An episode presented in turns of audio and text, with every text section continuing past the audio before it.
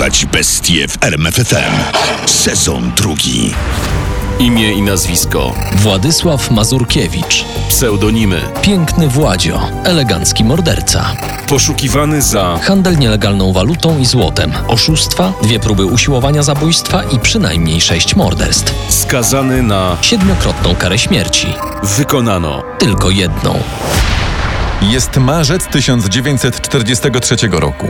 Wiosna w Krakowie jest wyjątkowo nieprzychylna mieszkańcom. Nie pomagają niskie temperatury i nie pomaga trwająca niemiecka okupacja. Życie nie jest łatwe, szczególnie dla oficera Wojska Polskiego Tadeusza Bommera. Bommer z pochodzenia jest Żydem. W strachu przed wykryciem przez niemieckie służby na co dzień posługuje się fałszywą tożsamością.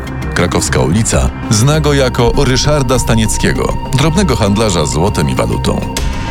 Jego kolejny interes nagrał mu pewien niezwykle elegancki, jak na okupacyjne standardy mężczyzna, Władysław Mazurkiewicz.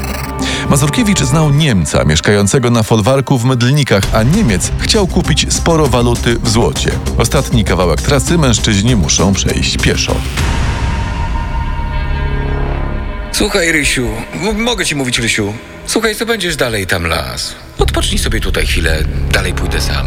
O i popatrz, co tu dla ciebie mam. Wódeczkę i bułeczkę. Co ty na to?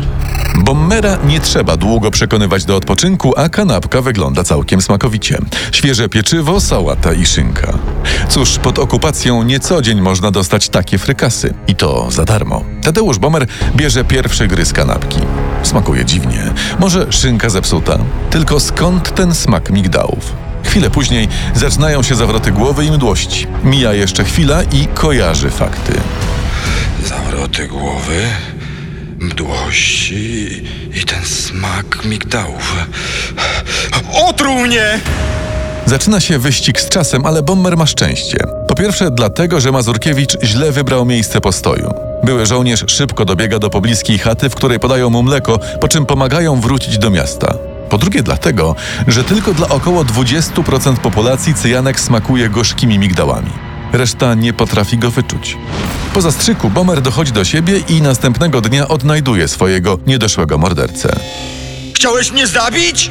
Za garść złotych dolarówek? Ty bydlaku, ty! Oddawaj je natychmiast!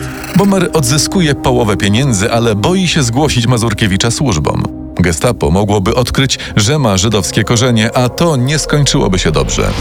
Mija kilka miesięcy, a Mazurkiewicz, któremu uszło na sucho, znajduje nową biznesową okazję i nową ofiarę. Jest nią Wiktor Zarzecki, poznany w jednej karciarni. A teraz, panowie, patrzcie na to. Full! Damy na asach. I co wy na taki koniec gry? Ta, jasne. Elegancik znowu zgarnia całą pulę. A skoro skończyliśmy z rozrywką, to przejdźmy do interesów. Wiktor, masz jakieś dolary? Możemy sporo zarobić. Plan jest niemal identyczny jak w przypadku Bommera. Są tylko dwie różnice. Tym razem cyjanek jest w herbacie, a Wiktor Zarzecki nie wyczuwa jego smaku i umiera. Mazurkiewicz pozbywa się zwłok, ładując je na łódkę i spławiając Wisłą. W ten sposób jest 1200 dolarów do przodu. Zabijanie swoich niedoszłych partnerów biznesowych okazało się być bardzo zyskowne, więc Mazurkiewicz nie zamierza przestać. 26 lipca 1945 roku ginie kolejna ofiara pięknego Władzia. Tym razem jest to Władysław Brylski, z którym Mazurkiewicz dokonał kilku transakcji w przeszłości. No matki dały nam tak samo na imię. Dlatego się tak rozumiemy, nie, Władek? Może masz trochę dolarów do opalenia? No to za jakieś 160 tysięcy? Tym razem elegancki morderca zmienia taktykę. Rezygnuje z trucizny. Wybiera prosty i elegancki sposób. Strzał w tył głowy. Pieniądze zabiera, dokumenty pali, a zwłoki porzuca w rzece. Mijają dwa miesiące. Przez niewielką wieś, Brodła, przejeżdża samochód. W 1945 roku prywatny samochód to naprawdę niecodzienny widok. Tym bardziej, że kierowca pojazdu robi rzeczy delikatnie mówiąc dziwne. Kiedy kilka dni później mieszkańcy znajdują w lesie postrzelone w tył głowy ciało, dokładnie wiedzą, co powiedzieć milicji. Panie władzu, no był tu jeden taki dziwny, się po wsi kręcił, auto miał, no to żem go zapamiętał przez to.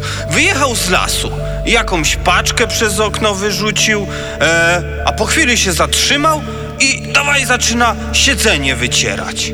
Podszedłem, bo auto chciałem obejrzeć. Prosty jestem, ale się interesuje. a elegancik się wtedy spłoszył. Wsiadł i próbował odjechać.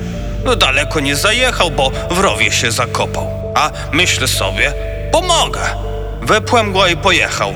A że, żem go wypychał, to i numer rejestracyjny spamiętałem. To było, y, to było A26064.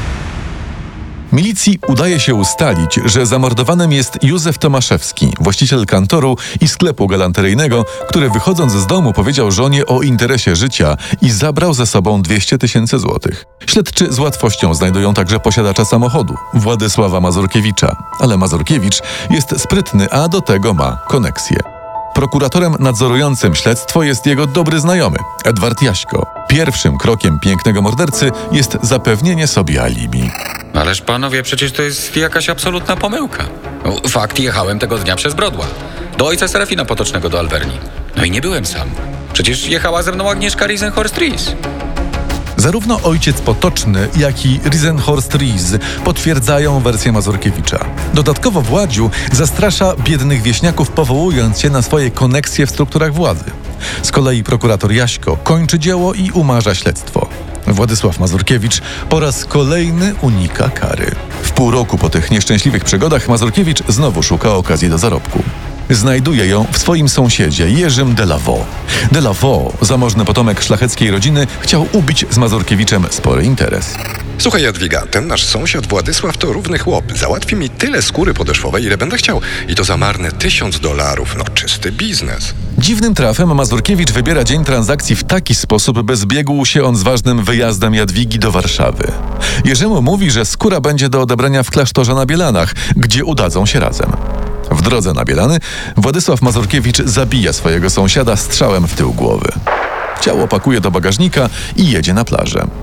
Tam opala się i pływa, czekając aż plażowicze wrócą do domów, po czym wyrzuca zwłoki do rzeki. Tuż po zbrodni w karciarniach w całym mieście zaczyna szerzyć niepochlebne plotki. Jurek, Jurek uciekł na zachód przed komunistami. Na dodatek zostawił żonę. Po morderstwie Jerzego Delavaux piękny Władziu uspokaja się na dłuższą chwilę. A przynajmniej na to wskazują znane nam fakty. Para się różnymi rzeczami. Jest pracownikiem PCK, jest instruktorem Polskiego Związku Motorowego. Jako ekspert od motoryzacji często doradza milicji w sprawach wypadków samochodowych. Jest szanowanym obywatelem cieszącym się nieposzlakowaną opinią. W tym czasie nawiązuje także romans z żoną swojej ostatniej ofiary. Po niemal dziewięciu latach spokoju to właśnie Jadwiga de Lavaux stanie się jego kolejną ofiarą. Jadwigo, mam informację, wiesz, od moich przyjaciół WB. Mają zrobić ci rewizję. Jak coś znajdą, to będzie problem. Ale nie martw się, oddaj mi wszystko co cenne, przechowam w garażu i zwrócę, jak sprawa przycichnie.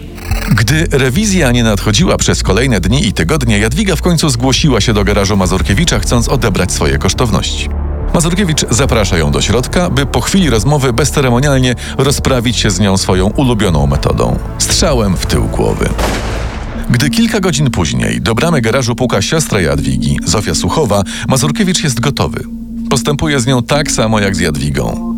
Wrzuca zwłoki obu kobiet do przygotowanej uprzednio dziury w podłodze i zalewa je cementem. Po zniknięciu obu kobiet rozgłasza plotkę, że siostry wyjechały do Jerzego de Lavaux za granicę, bo podobnie jak on miały dość reżimu komunistów. We wrześniu 1955 roku niestety kończy się szczęście Władysława Mazurkiewicza. Do szpitala w Warszawie zgłasza się marynarz Stanisław Łopuszański.